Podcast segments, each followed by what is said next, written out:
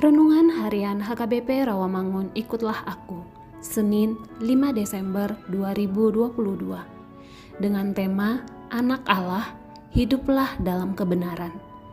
Bacaan kita pada pagi hari ini diambil dari Roma pasal 15 ayat 4 sampai dengan ayat 13 dan bacaan kita untuk malam hari ini diambil dari Yesaya pasal 43 ayat 19 sampai dengan ayat 25. Dan kebenaran firman Tuhan untuk kita hari ini diambil dari 1 Yohanes pasal 2 ayat 29. Demikian firman Tuhan.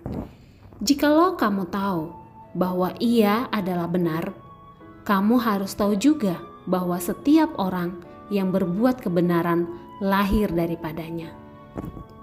Sahabat, ikutlah aku yang dikasihi Tuhan Yesus.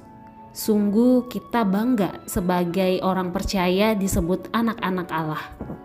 Walaupun secara manusia kita lebih bangga menjadi anak presiden ataupun anak pejabat.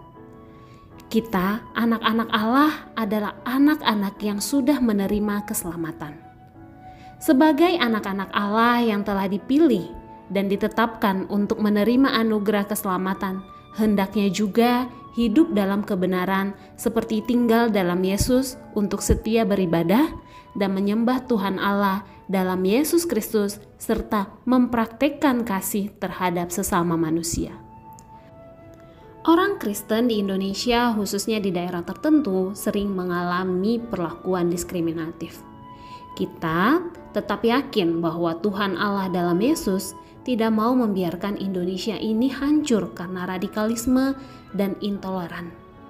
Sebelum kemerdekaan Indonesia, segala suku dan agama telah bertekad dengan Sumpah Pemuda yang dicetuskan pada tanggal 28 Oktober 1928, yaitu satu tanah air, satu bangsa, dan satu bahasa Indonesia.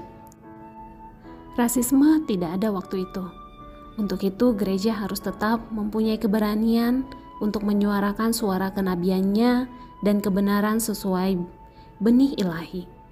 Gereja atau umatnya harus mampu melawan kuasa iblis yang ingin menghancurkan gereja. Kuasa iblis tidak akan pernah menang, sekalipun gerakannya masih ada. Kita tidak akan kehilangan ahli waris sebagai anak-anak Allah, namun kita dituntut untuk menjauhi perbuatan dosa. Kita tetap melakukan apa yang benar di hadapan Tuhan dan sesama manusia. Selamat memasuki masa-masa Advent dalam kebenarannya. Amin. Mari kita berdoa. Ya Tuhan, ajarlah kami selalu hidup dalam kebenaran-Mu sebagai anak-anak Allah yang telah Engkau selamatkan. Amin.